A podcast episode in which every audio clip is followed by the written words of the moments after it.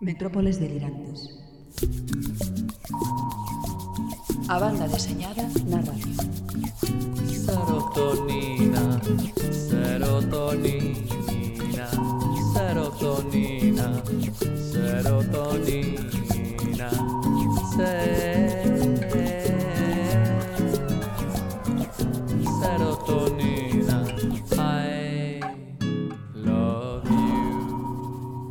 Ola, son Nieve Rodríguez. Comeza a 18ª emisión das Metrópoles Delirantes na radio online Campus Culturae da USC. I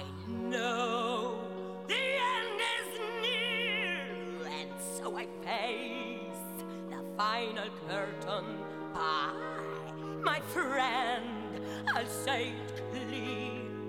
I state my case, of which I'm certain. I've lived. A life that's full. I travel each and every highway and more, much more than this. I did it way.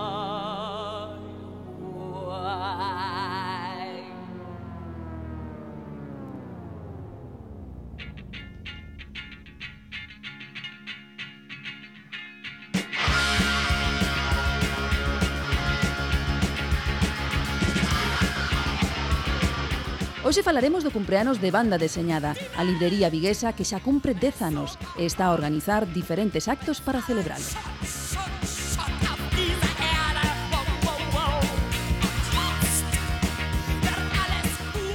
O imprescindible desta semana que trae o señor B viste con leotardos como a Bonnie Tyler e ten mostacho como a Pantoja, o Super López do mestre Han.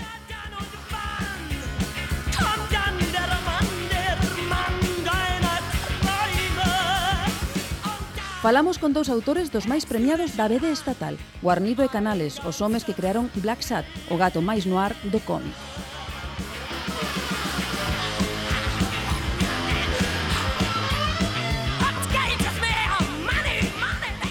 E desta volta, e aproveitando que veo atas metrópoles tomar as augas, Melo da libraría Banda Deseñada de Vigo contanos as novidades.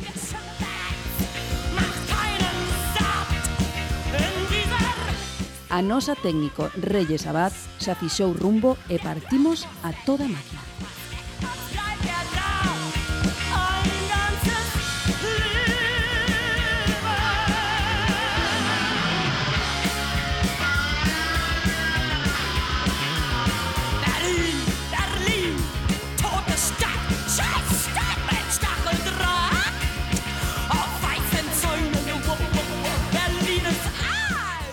Radio Campus Culturae.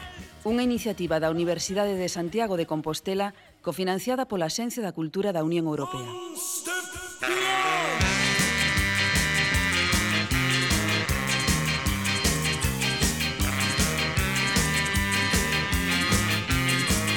Comezamos cas nosas novas, como sempre, a todo Filispín. Os días 14 e 15 de Santos volve a cidade de Madrid o GRAF, evento autoxestionado en torno ao cómic de autor e a edición independente. Nesta ocasión, GRAF múdase ao Museo ABC, unha localización de luxo non só pola mellora nas instalacións, senón polo simbólico do emprazamento.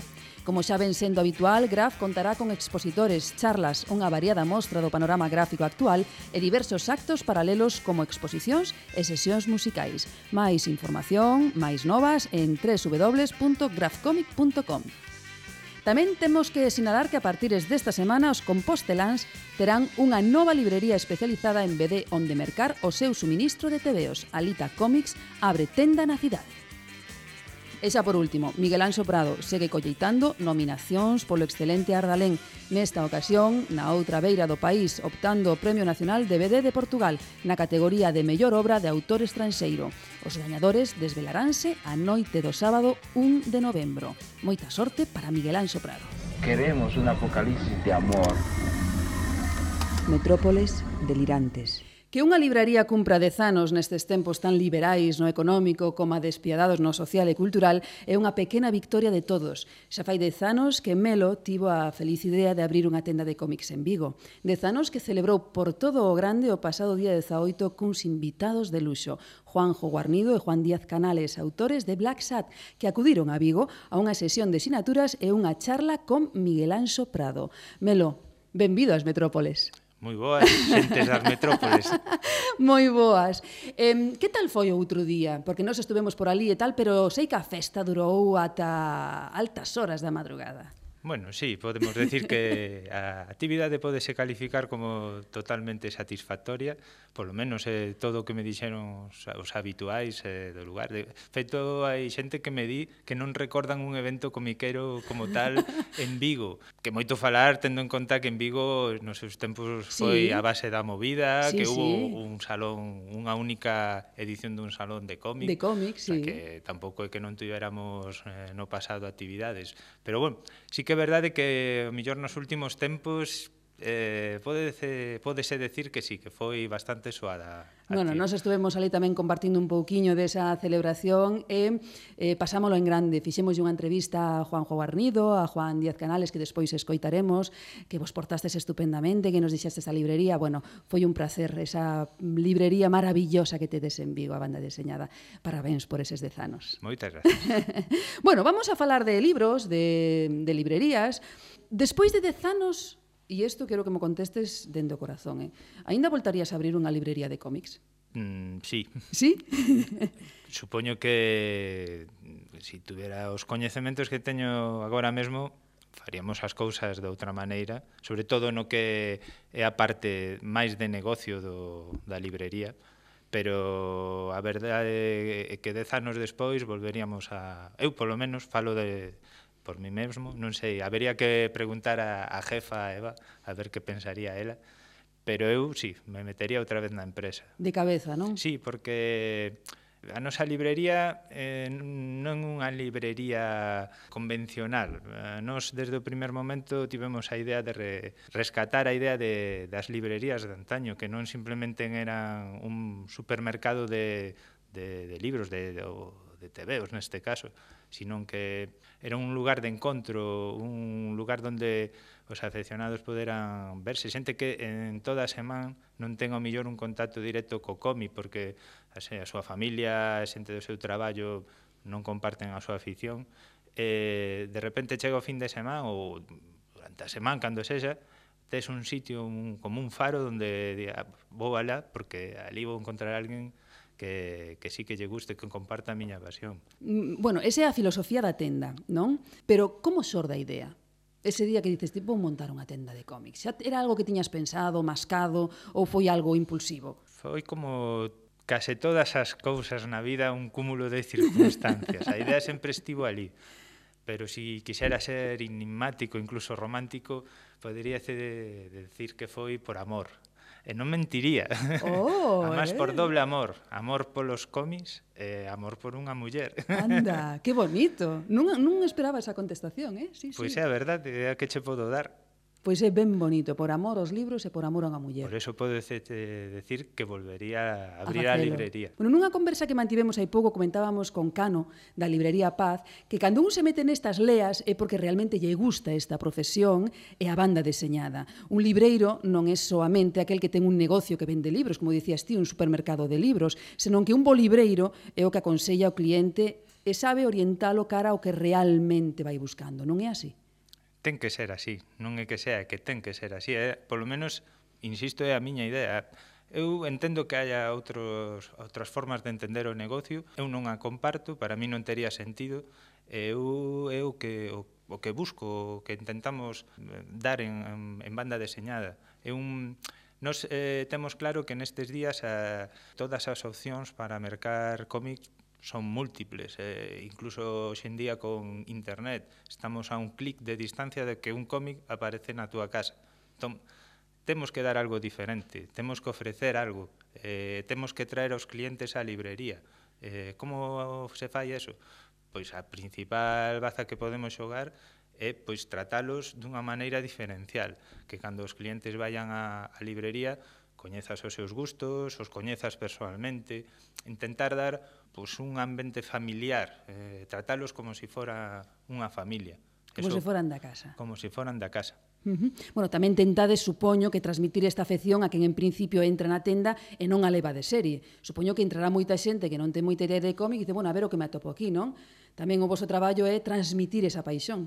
Afortunadamente, cada vez máis xente vai se subindo o carro da, da BD. Parece que pouco a pouco gracias en, en parte a que os medios de comunicación eh, cada vez tratan con máis respecto a, a banda deseñada, xa está a mismo nivel que outros tipos de manifestación culturais, cinema, libros, etc. Entón, claro, eh, si ti ves unha cousa todos os días pues, nos, nos periódicos ou na televisión, bueno, na televisión non todos os días, pero cada vez máis, pois é natural que te, teñas curiosidade. Si tes curiosidade, vas a ir a preguntar. En, esa entra aí a labor do libreiro, que unha vez que consigues que o cliente, que o lector, chegue á túa librería, contaxialo a túa pasión. Para facer eso é fundamental que teñas pasión, porque si, claro, si, si non ates... a mí me di moitas veces ali na librería que, que lles encanta ver como eu vendo libros. Eh? Que mira, ven preguntando e lle vendeches un libro. Eu, eh, sinceramente, sempre contesto, pois a miña intención non era vendelo, simplemente estou falando dun libro que eu lín, gustoume, e eh, simplemente lle estou falando como se lle falara un amigo. Para mí é, un, un, é inútil recomendar ou, ou vender, ese feito de vender, de que me sirve a min venderche un día un cómic se non vas comprar máis. A miña intención fundamental será contaxiarte o, o amor do cómic, a pasión, e para facer eso, hai que dar algo que che guste que teñas que volver. Totalmente de acordo contigo, Melo. Ti crees que, mm, que cada tenda ten o seu público? Cal é o voso? o noso público. Pois sí, tira eu... máis polo manga, tira máis polo cómic europeo. Mm, temos un pouco de todo, non nos cerramos a nada. Sí que é verdade que ao mellor nós temos, sobre todo no, no principio, toda o público, os clientes que axudaron a que hoxe en día continuemos aquí dez anos despois, foron verdadeiramente a base, ese o, o aficionado de toda a vida que, que decimos. Xente que ten moi claro o que lle gusta dentro do cómic, e que cando ven á librería sí que agradece que haya alguén que poda encaminar, pero que teñen bastante claro o, o que queren. Eh, eh, incluso hai algún que en determinados tipos de cómic por suposto, sabe moito máis co libreiro, o sea, eh, no que controla, o controla o 100%. Sí, sí. Esa foi nosa base. Afortunadamente, co tempo, fomos ampliando e cada vez hai moitos, moitos, moitos máis tipos de, de clientes. O sea, hoxendía non se sabería dar un perfil eh, exacto, exacto, ¿no? sí. Quizá a mellor non temos moita rapazada, eso sí que non vai tanto co, co noso estilo, por uh -huh. non sei, as circunstancias. Si que temos uns clientes máis talluditos, vamos Ajá, a decir. Sí, eh, vamos a, de, a decirlo así, a definilo así. Bueno, pois pues iso tamén tamén está ben, é indicativo de algo, non? Iso tamén define unha tenda, porque hai xente que percorre 160 kilómetros para mercar os teus libros, bueno, os libros na túa librería, en banda deseñada. Que les das? Eh... pois tratalos como se si foran familia. Eu penso que, que é o segredo, que igual que a familia venche a ver desde os kilómetros que fai falta, por qué? Porque eres familia, non, non, non o plantexan. De feito, veirán no avión, o, bueno, isto, o no, no coche, onde teña que ir, eh, por que estou facendo 150 kilómetros? porque é familia. Eu... A, bueno, a min soplárome que tes unha virtude extraordinaria de eh, atopar as mellores pizzas que hai en Vigo, que ese lado gastronómico tamén é importante a hora de... é así ou non é así? E tes moi boas fontes. sí. bueno, Igual... procurei informarme un pouco. Así que... Igual que me decías que non esperabas esa resposta antes, che digo que esa sí, esta pregunta non esperaba. Non esperaba. Bueno, outro día pasou igual con Guarnido con, eh, con sí, Canales, te... non? Que hai unha preguntiña aí que despois escoitaredes que mm, quedaronse así. De, bueno, esa pregunta non nos la han hecho nunca. Bien. Sí, sí. Bueno, pero a ver, canta, canta claro. Es, esa ruta gastronómica. Pois sí, é verdade, non o podo negar. É, pixa e cómic, é que banda man. Sí, señor, sí. é unha combinación perfecta. É o pack completo. Bueno, entón, acabo de descubrir que teño unha referencia moi boa en Vigo para, para comer ben. Incluso, diría, en Galicia, nacional, sí. eh, oh. podo que internacional.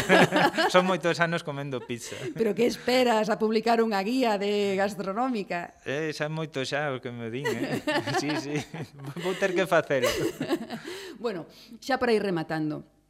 Eh, todo o mundo coincide en destacar este momento doce que está a vivir o sector da BD. Está claro que a nivel creativo é indudável, mas dende as vendas tamén se está a vivir esta situación, está afectando esta estafa que chaman crisis.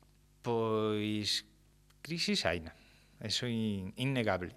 Eh, o que diga que non, que non anota, pois son casos excepcionais.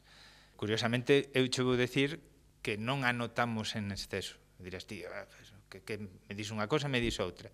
Pode ser un pouco tamén por as características propias da nosa librería. Eu estou en contacto con compañeiros, libreiros, eh, en Galicia, e fora de Galicia, e si que coñezo de primeira man que hai librerías que están pasando mal, ¿no? moi mal, sí, o sea, que a crisis está. Eh, a nós particularmente, afortunadamente, mm, vai nos respetando. Eh, a verdad que estamos moi contentos porque Tamén é satisfactorio saber que cando faz un traballo ben, pois un esforzo, despois a recompensa está aí. Eh, nós temos claro que con unha librería non te vas facer rico, pero si podes vivir del, e sobre todo si cando veñen, como neste caso, mal dadas, eh, a xente, os clientes se apoian, é unha doble satisfacción, porque podes seguir vivindo desto, pero además ves que o teu traballo ten unha recompensa que a xente o aprecia. Entón, estamos doblemente contentos. Bueno, pois que, que se 10 dezanos 20 e 30 e que podamos eh, sentarnos a falar desto mesmo e que os resultados sexan igual de vos. Eh, Melo, vos, eh, bueno, estuve o outro día xa para rematares de todo porque vanme matar porque o tempo va, vais eh, voando, eh, o outro día estuveron Juanjo Garnido, eh, Guarnido e Canales na tua librería, eh, tamén estuvo eh, Chloe Cruixodet eh, tamén na tua librería, na librería Paz. Sei que vai haber máis asinaturas de nomes potentes. Podenos adiantar algo? Sí, sí, podemos decir que estas actividades xa van ser unha constante na librería, levan sendo desde fai tres anos, E tamén é outra cousa que ves que pouco a pouco eh, o traballo cada vez máis fácil. Eh, eh, podo che adiantar que de decembro vai a ser o mes Astiberri en, Anda, en BD.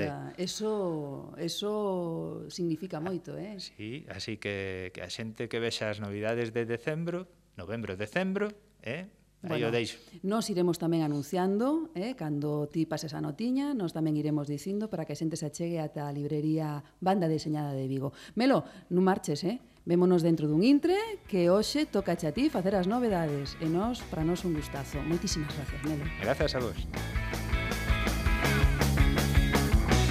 Se a luz te bate e nem por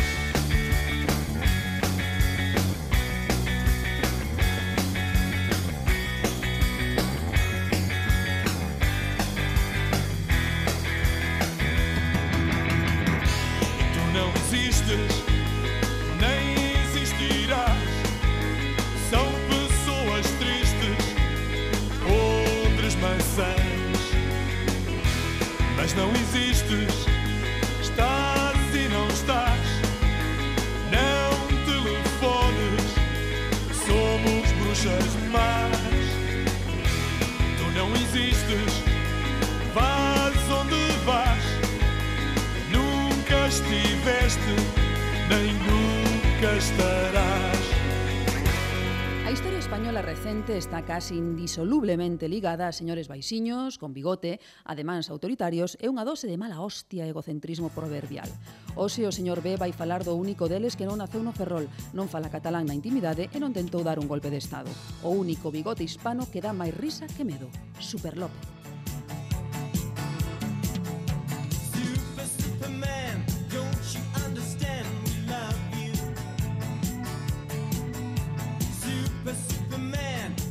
Moitas son as parodias feitas ou baseadas en Superman, como o gran heroe americano ou Superratón. A BD española non quedou atrás e, por suposto, ten a súa propia interpretación. O seu nome é Juan López. Traballa como administrativo nunha oficina, aínda que adica a meirande parte do tempo a facer pasariñas de papel. E cando a súa cidade, Barcelona, o require, transfórmase en Super López. Super López naceu da man do debuxante e guionista Juan López Fernández, Jan, quen creou o seu personaxe por encargo como unha parodia muda en tira cómica e en branco e negro.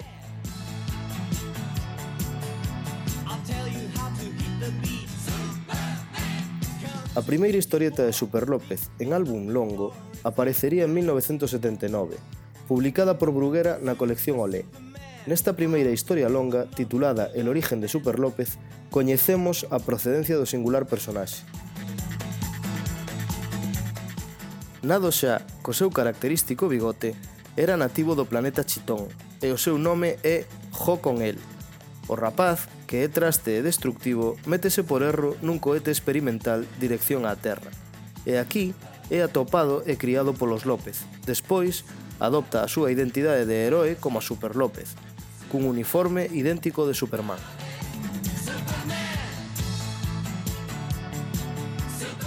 Tamén se parodia nos libros de Super López a outros superheróis sen importar se son de DC ou Marvel. O supergrupo está formado por Super López, Capitán Hispania, Brutus, Increíble Girl, Mago, Latas e como invitados Spiderman ou Thor. Grazas ás cualidades do debuxo de Jan, de gran expresividade e plasticidade, a súa áxil posta en páxina e os refrescantes guións cun marcado ton satírico, Super López deu en converter nun éxito. Tamén contribuiu a calidade como narrador de Jan, que tomou as rendas dos guións a partires da terceira aventura longa e imprimiulles o seu estimulante sentido do humor, construído dende os acontecementos cotiás e que plasmaba cun atento e coidado traballo gráfico moi inspirado e moi documentado en cada elemento da composición, primoroso no acabado e na cor. Super López, despois de 40 anos, segue a ser unha das mellores parodias de superheróis que nunca se fixo. Un cómic que deu títulos tan míticos como A Caixa de Pandora, Os Cabecicubos ou O Señor dos Chupetes.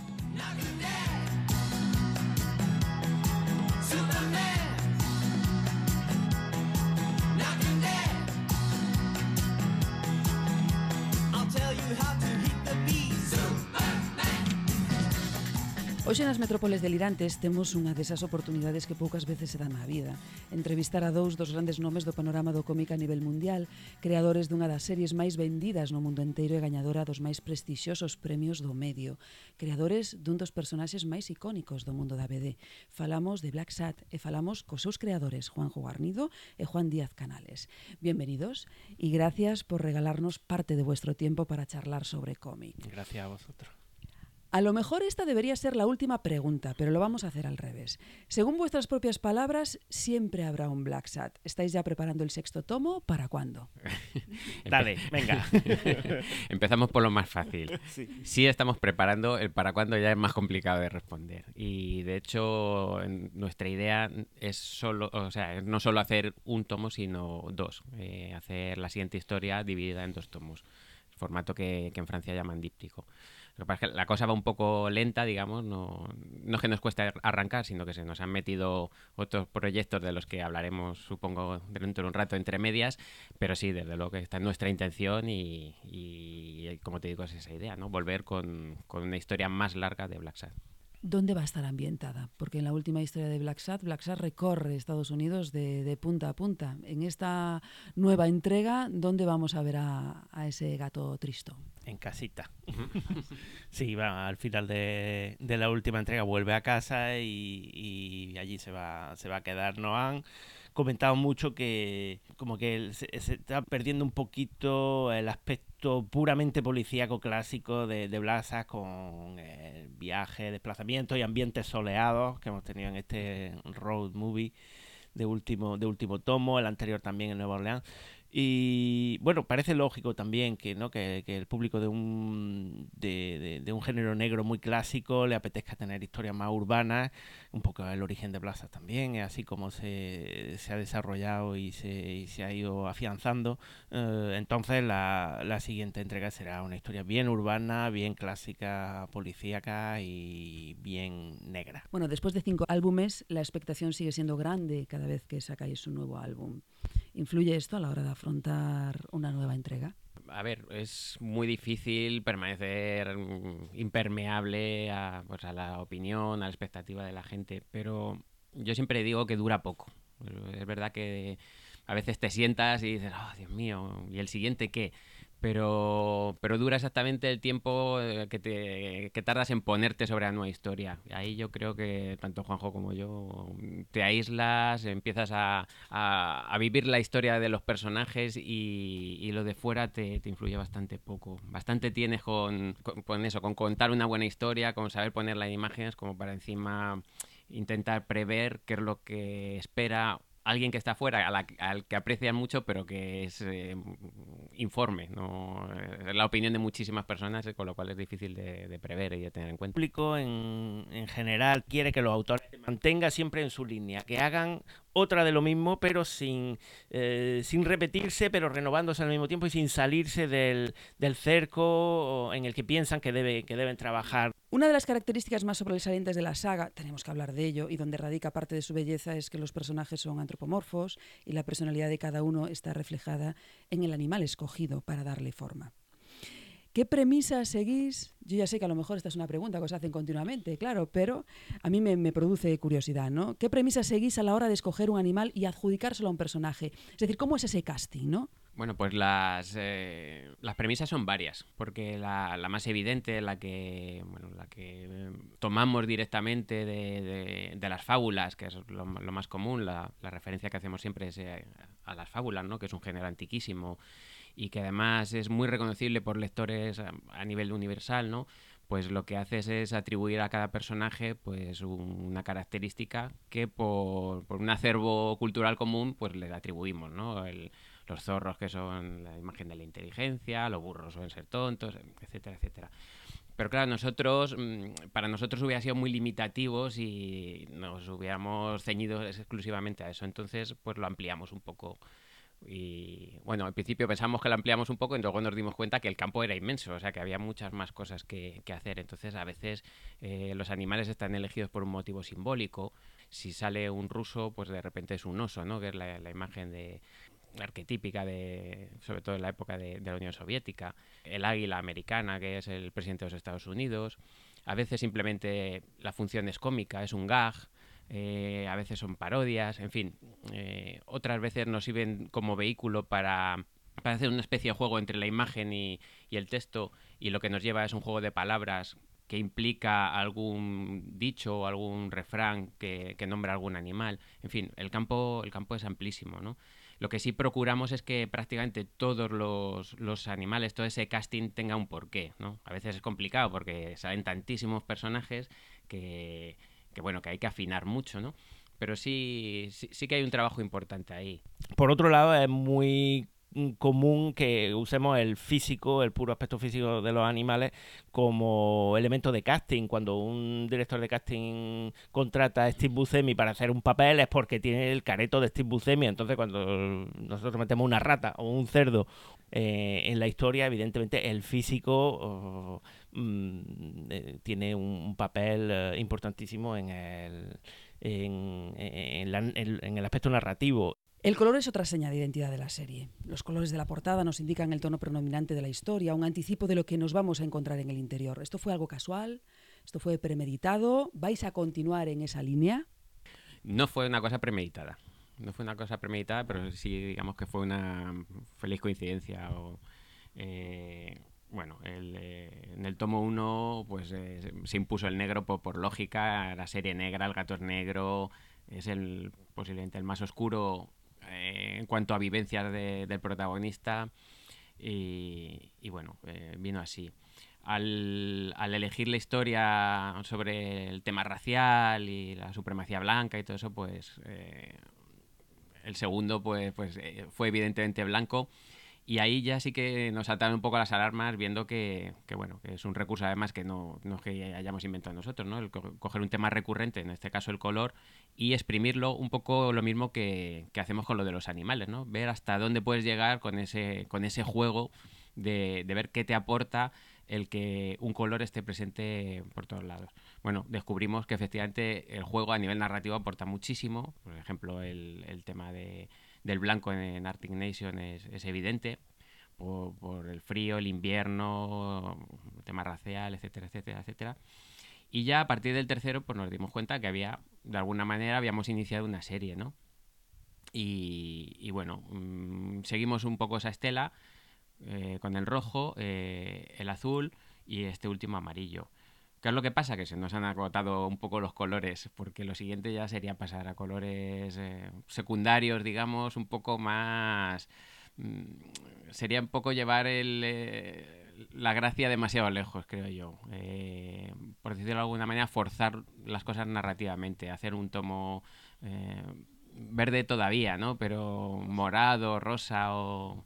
Es un poco, un poco traído por los pelos. Digamos que hemos contado ya los colores, el, blan- el negro, el blanco y los colores primarios. Mm. Ya el siguiente, un poco lógico, sería el verde, porque Mm. es el color más conocido que se asocia a los primarios, pero en realidad el verde cromáticamente tiene la misma importancia que el naranja o el morado. Entonces, un tono naranja ya un poco raro. Ya quedaría un poco.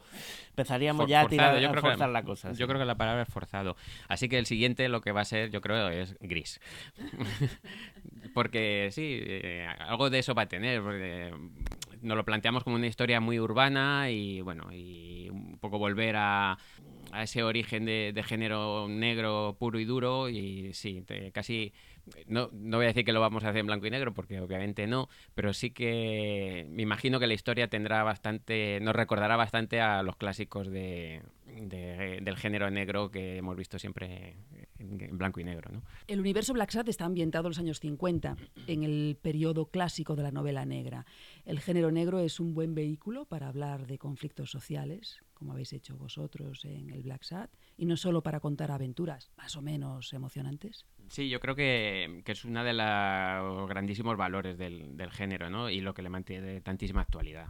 Es evidente, ¿no? Yo creo que por eso vive ahora mismo el género una, una edad de oro, porque es que cumple dos de las características que, que a mí, por lo menos como lector o como, o como espectador, me, me motivan muchísimo, que es el, el entretener transmitiendo al mismo tiempo un mensaje, ¿no? Entonces, a veces el, el, el mensaje social, como dices tú, pero también tiene mucho de, de introspección. Es, muchas novelas negras son casi existencialistas, ¿no?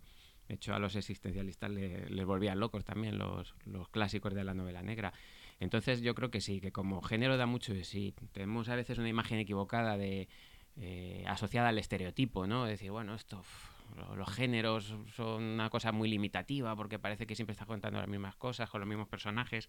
Y yo creo que justamente eso es lo contrario. Eh, pasa un poco lo mismo con, con el western, ¿no? Que son los géneros que, digamos, están más estereotipados, son al mismo tiempo los que tienen más campo de, de expresión, ¿no? Tú ves las películas de, del oeste de los años 50 y aquello es drama griego puro y duro.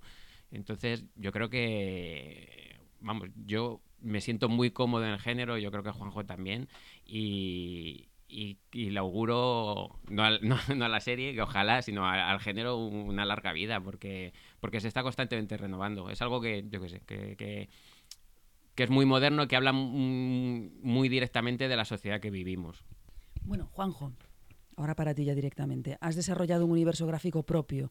Los lectores a priori se quedan impresionados, nos quedamos impresionados por lo bien que dibujas, pero tu talento va mucho más allá. Eres un narrador gráfico para nosotros fuera de serie. El encuadre de las viñetas, las perspectivas, los ángulos utilizados, nos hablan de un dominio casi excepcional de la composición de secuencias, de la preparación de escenas en función de lo que vas a narrar. ¿no? Es un poco combinar una síntesis casi perfecta entre, entre el cine y el cómic, ¿no? Dios mío. No sé cómo empezar a responder a esto. Eh, yo lo hago según me va saliendo. Qué fácil parece todo, ¿no? No, no es que sea, no es que sea fácil, simplemente igual que la elaboración de un storyboard en dibujo animado, de lo cual Juan y yo tenemos bastante experiencia. eh, eh, empiezas por las imágenes que te vienen a la cabeza. Es un primer es un punto de partida como cualquier otro y a partir de ahí desarrollas ya una narrativa pues más o menos clara, más o menos intencional.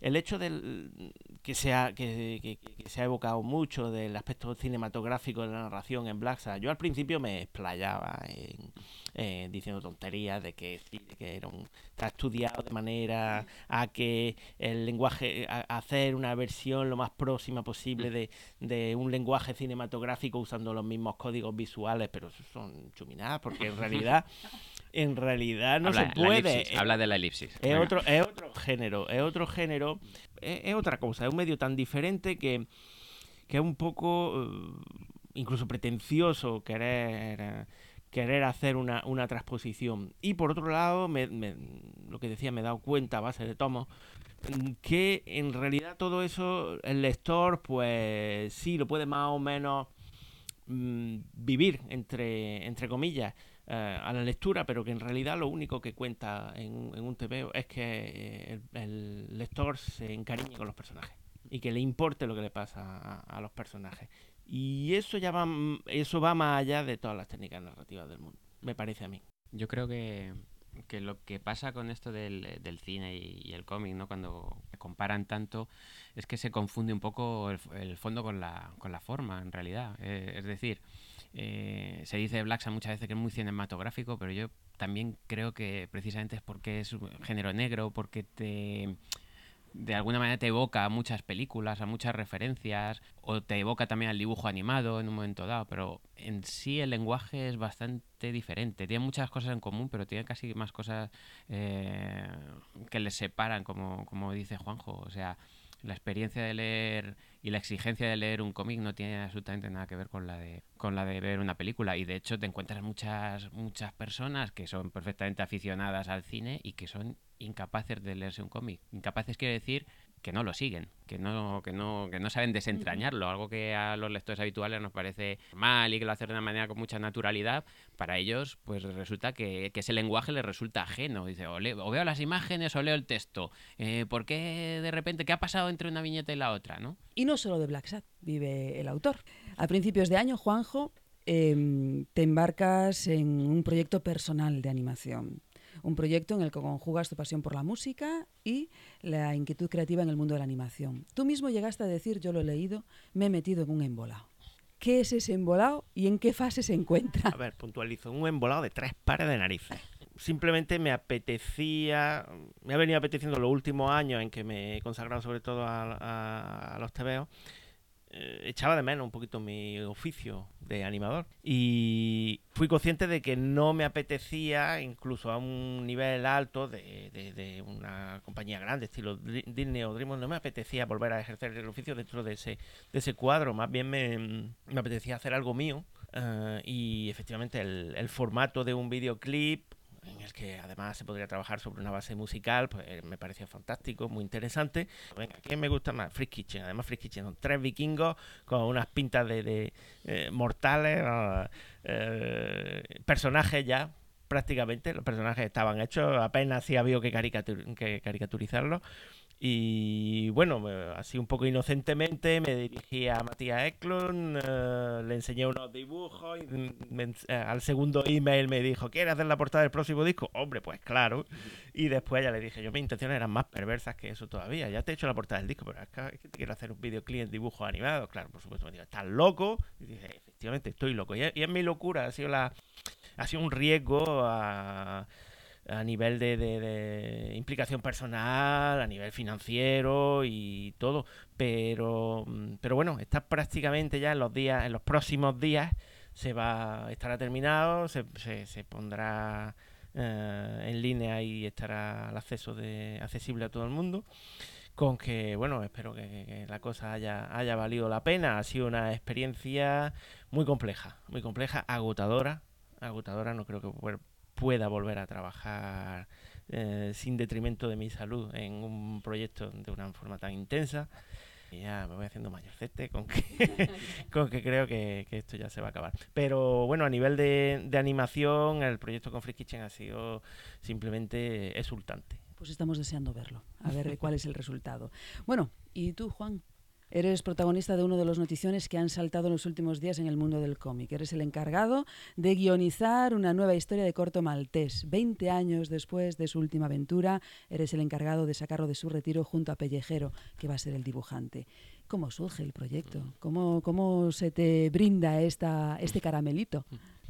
Pues como todas cosas, la mayor parte de las cosas en la vida, pues, pues, azares, digamos. eh, Patricia Zanotti, que es la, digamos, la gestora de los derechos de, de la obra de Pratt, era nuestra antigua editora eh, en Italia. Pues me llama, me, me comenta su, su intención, me pregunta si quiere hacerlo y yo obviamente, como no tengo nada que envidiar a la locura de Juanjo, digo que, que sí, a ver. Va a comparar. Me preguntaron y de entre la lista de, de posibles candidatos, pues para mí en, en el tope, en la, la parte de arriba, pues estaba Rubén Pellejero, que me parecía una evidencia que, que- vamos, que era la persona más adecuada para, para hacerlo. Y bueno, las cosas han ido poniendo, han ido encajando extrañamente, de tal manera que, que, que- que lo aceptaron, hizo una prueba, les pareció bien y Para 2015 supongo que no podrás decir nada más, ¿no? No podrás adelantar nada. no, bajo Nada, de, eh, de sumario. sí. Bueno, sabrás también que después de que se publique esta nueva aventura de Corto Maltés, el público se va a dividir. Claro, en opiniones. Habrá gente que esté a favor de obra Sí. ¿eh? y habrá otra gente que denoste ya per se, ¿no? Por decir, bueno, esto no es Hugo Pratt, esto no es Corto Maltés. Sí, claro. Vamos eh, Hugo Pratt, por supuesto que no va a ser, eso es un- una obviedad. Corto Maltés, pues sí, Corto Maltés va a ser porque los personajes, en el fondo, eh, la vida de las personas es muy corta y en cambio los personajes no sobreviven, igual que supongo que pasará con, con Sabbath una vez que nosotros nos vayamos. Eh, como te decía antes también con respecto a Sabbath, es que ya, ya lo he vivido. Para mí el, el público... eh, cuando estás en una sesión de firmas o conferencias y todo eso y vas viendo a las personas una a una y intercambiando opiniones con ellos, que es una de las cosas más, más gustosas, pues, pues les pones cara. Pero cuando hablamos del público en general, para mí es muy difícil prever lo que van a decir y sobre todo procuro tener muy poco en cuenta lo que van a decir porque es que no, no, no existe una voz, no, no, no, existe una voz única, no, no puedes centrarte en lo que dicen unos o lo que dicen otros. Muchas veces también confundimos el público con lo que son las corrientes de opinión generadas, por ejemplo, en Internet o, o en la prensa, ¿no? que tampoco tienen que ver con un, con un sentimiento mayoritario. ¿no? En fin, yo intento estar, aislarme un poco de eso porque, porque realmente... eh, no por ser eh, no, po- no por una actitud prepotente simplemente porque no sé eh, qué me puede aportar lo que se supone que es la opinión del público al final nuestro único baremo es si los álbumes se venden bien es que le ha gustado un número importante de gente y vas bien por ese camino y aunque se vendiera regular, pues también le has gustado a un número regular de gente y eso está bien también. Has conseguido comunicarte que es de lo que se trataba. Y esta ya para terminar para los dos. Eh, vosotros como creadores de una saga como Black Sad y de un personaje icónico también, ¿no? Como es Black Sad, ¿os gustaría que una vez que vosotros dejaseis Black Sad, si algún día lo hacéis, que alguien retomase vuestro trabajo? Esa pregunta creo que no nos lo han hecho. No. Es que viene, viene a- ¡Premio! La pregunta que no nos han hecho nunca.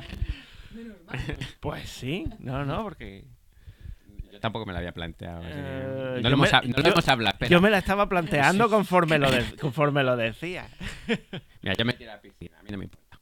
No, a mí tampoco. A mí no la verdad es que a mí me sería curioso. Lo que pasa que mm, yo no creo que, vamos, mientras yo tenga mano y pulso para, para dibujar, no espero, espero tener, conservar la, la- la energía que conservan la Mm. mayor parte de los dibujantes y de los autores de cómics para seguir trabajando hasta, hasta, hasta la antesala de la tumba. Con que Son dos cosas diferentes. Si hablamos de. Mientras, con nosotros en vida y, y en activo, eh, seguir con el personaje, hombre, a mí me, me parecería un poco triste que llegáramos al punto de cansarnos. Y Ah, no, yo, yo no pienso que... Y además al ritmo que vamos, yo creo que... Yo no, no creo que, no. creo que llegue. No estamos cerca de cansarnos, de No estamos muy- del personaje. No, en principio no.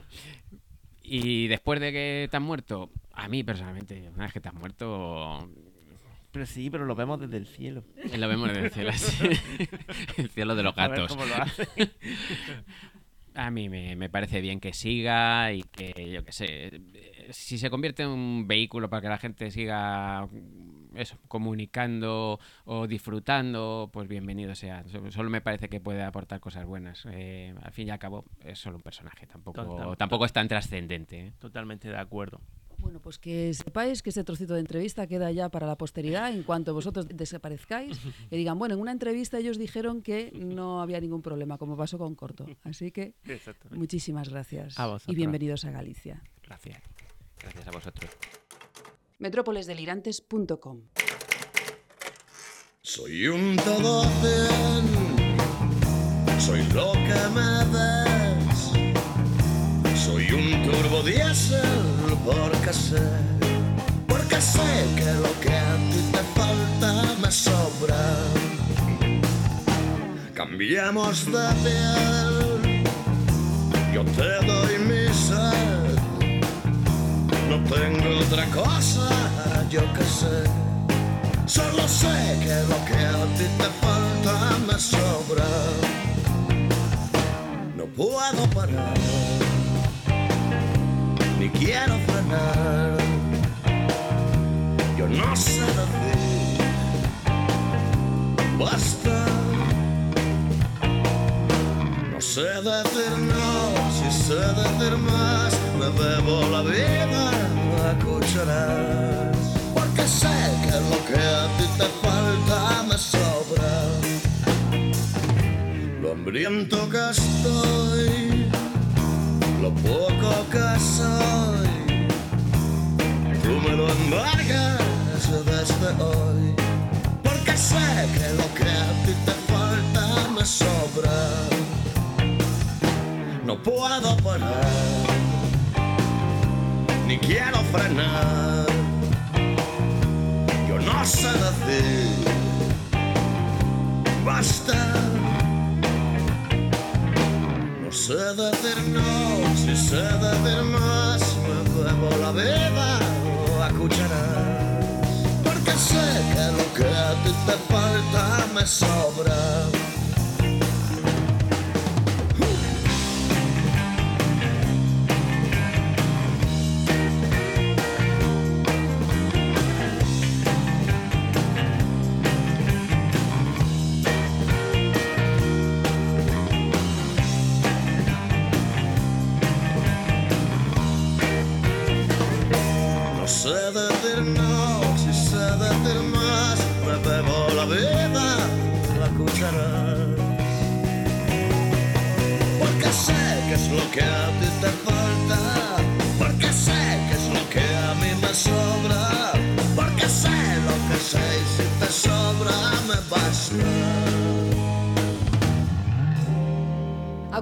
tempo das novidades nas metrópoles e hoxe estamos ben ledos porque por esta sección do programa pretendemos que pasen todas as librerías de BD Galegas e hoxe damos outro paso neste ancello.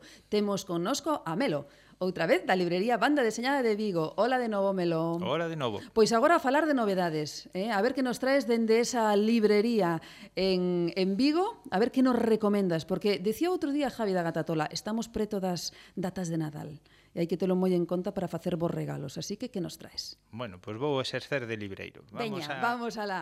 Vamos a comenzar con un dos eh, fenómenos eh, de moda no mundo do cómic eh, das librerías, que son os integrais de cómic europeo. Parece que encontraron o filón ¿Sí? e todo o mundo a explotalo. Neste caso, vou falar dunha serie, Pin-Up, de editorial Norma, que por un lado uh, vou, vos explicar un pouco a temática, pero primeiro quero comentar porque un pouco un caso curioso, porque unha serie que Norma xa publicou antes en álbums, agora saca o tomo integral, ca particularidade de que para os aficionados de toda a vida é unha pouco xogada, porque sacaron nove álbumes anteriormente e hai en Francia publicados 10. Vale, pois agora Norma saca ese décimo álbum que non estivo publicado neste integral. Anda. Co cal, se si queres ter toda a colección, tes que comprar que o integral. Algo que a min particularmente ni me gusta como lector, que mo fagan, ni me gusta como libreiro. Tamén é certo. A serie, eh, a verdad que só podo falar maravillas porque é unha serie que destas que mezclan, eh, mistura un pouco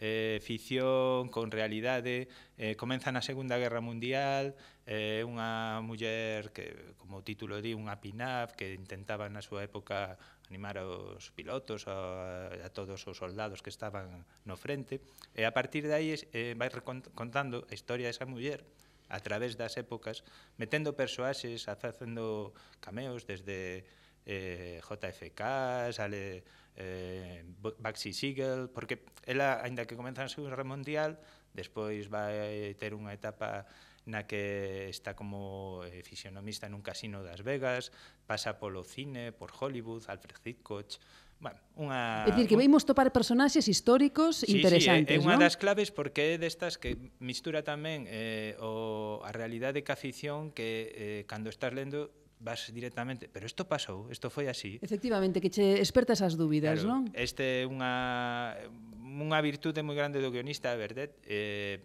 que está moi ben correspondido, perdón, co, do guionista Jam, que está moi ben correspondido cos dibuxos de, de Bertet. Moi, uh -huh. moi recomendable. Bueno, pois pues pásame o libro mentras ti vas escribendo, vas vendo outro. Vale. Eh? O, como pesa eh? este libro para levar no integral, bolsillo, eh? eh? é no, integral, no, no. eh? É integral. Isto para leelo no sofá da casa tranquiliño Eh? Unha moi boa relación calidade-precio e ¿Sí? horas de lectura, que eso é algo que tamén busca moito a xente. Que... Bueno, e que precio? Porque nós, nós, nós estamos a prol de, de, de decir os precios dos libros, que concho. Pois creo que son 39,50. Ah, pois eh, sí, está moi ben de prezo, a, sí. A 4 euros o el álbum. Eh, efectivamente, bueno, pois non está nada mal, así que eh, aforrade, iden eh, facendo un petiño de cara ao Nadal e ted en conta este libro, Pin Up, de Bertet e Jan, de Norma Editorial. Con que seguimos, Melo? Bueno, pois seguimos con un vello coñecido de todos os afeccionados, como é Paco Roca, oh, Paco Roca. pero eh, na, ten como dúas caras, o Paco Roca seriote de arrugas e,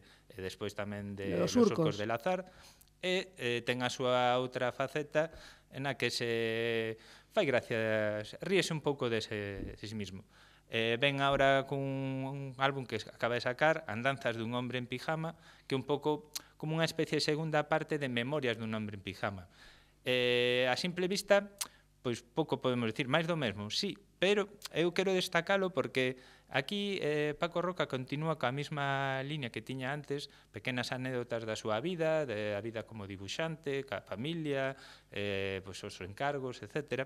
Eh, pese que aquí, aparte de limitarse simplemente ao humor, mete como un pouco de crítica social. Empeza uh -huh. a meter pequenos detalles que fanche rir, pero a vez quedanste como reflexionando. Sí, sí, que che fan pensar. Sí, fanche pensar, pero nunca sin perder, sin perder de vista comicidade. nunca, eh, sempre, sempre quedas ca, ca sonrisa na boca. É super aditivo porque está eh, son as tiras que en su día fixo para o país. Uh -huh. Entón, pois son como é imposible ler a, a última. Estás pola noite, acabas unha, veña, outra veña, máis. outra máis. E ao final acabas o Su, super aditivo, moi moi recomendable.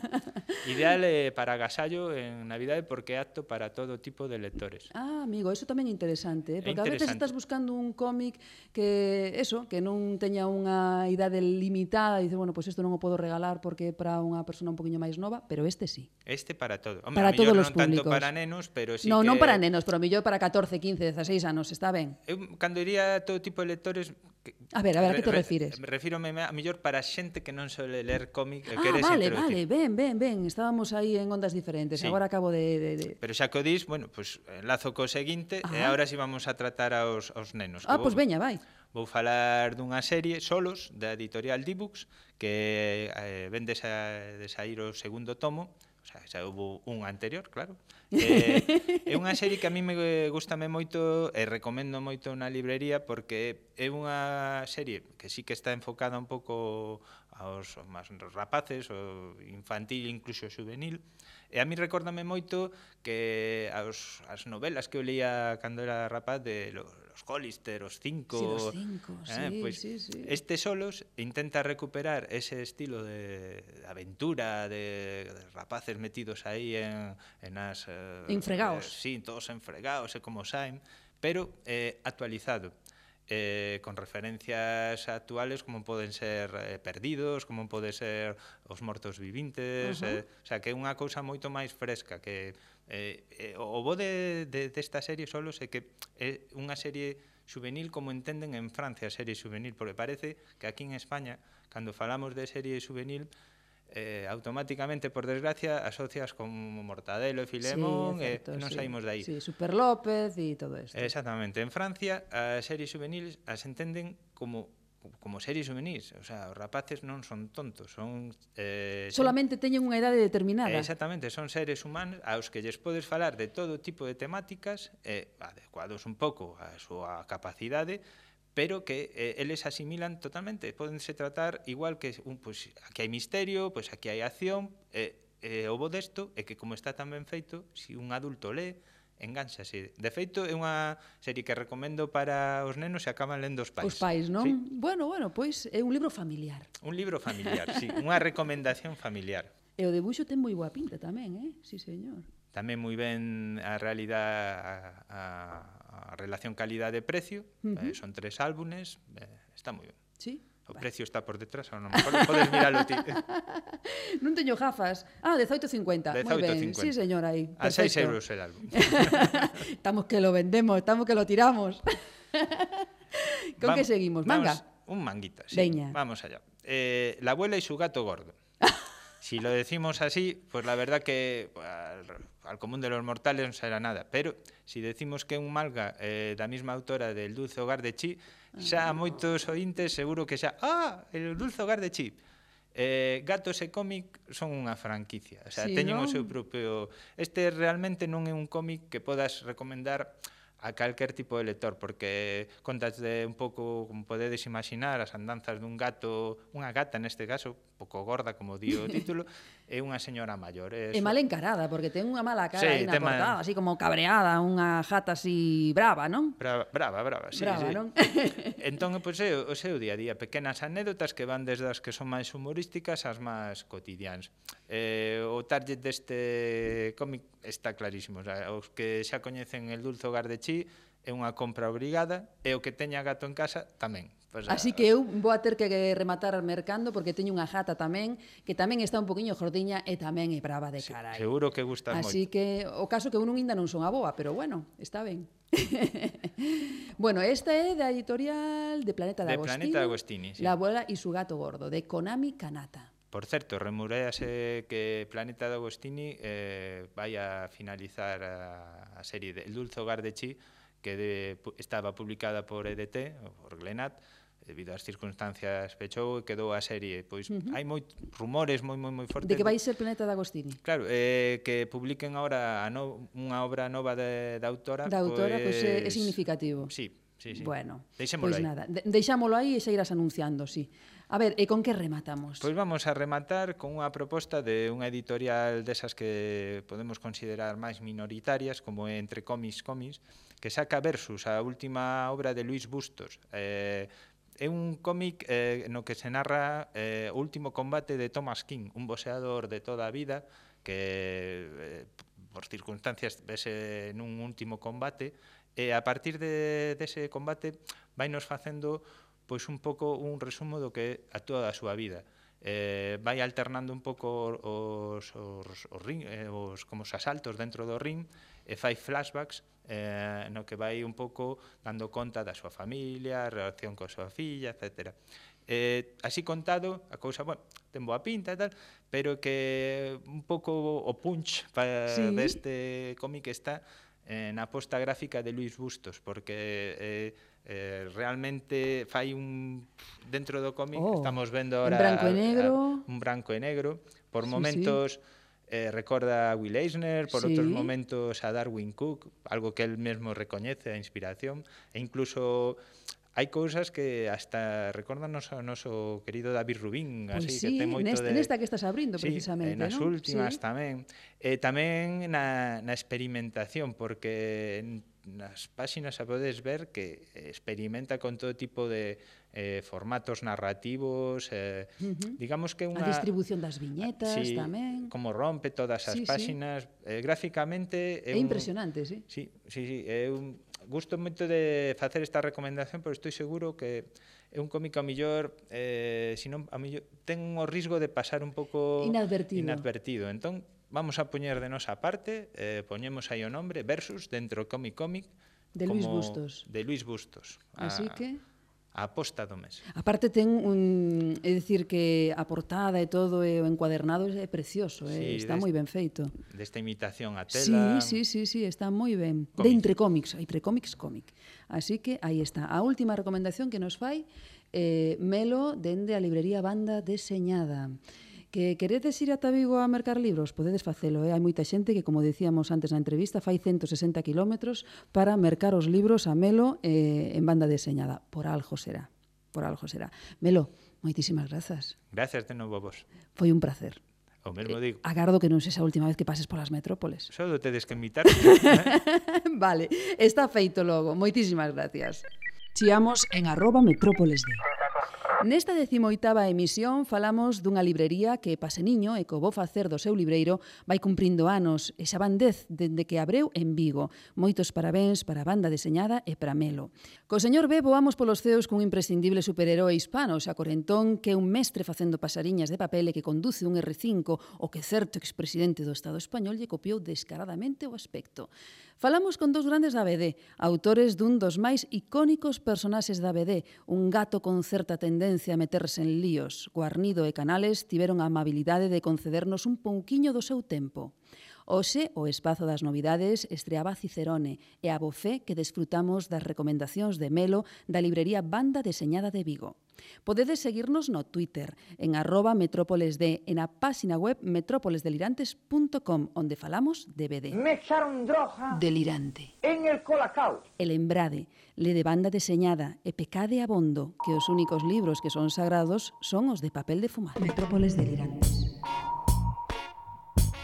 A banda deseñada na radio. until the philosophy which old one race superior and another inferior is finally and permanently discredited and abandoned. Everywhere is war. It's a war that until they're no longer first class and second class citizens of any nation, until the color of a man's skin is of no more significance than the color of his eyes. Miss a war that until the basic human rights are equally guaranteed to all without regard to race. This a war that until that day, the dream of lasting peace, world citizenship, rule of international morality will remaining but a fleeting illusion to be pursued but never attained. Now everywhere is war, war, and until the ignoble and unhappy regime that hold our brothers in Angola, in Mozambique. South Africa, subhuman bondage. I've been toppled, totally destroyed. Well, everywhere is war. Me say uh, war.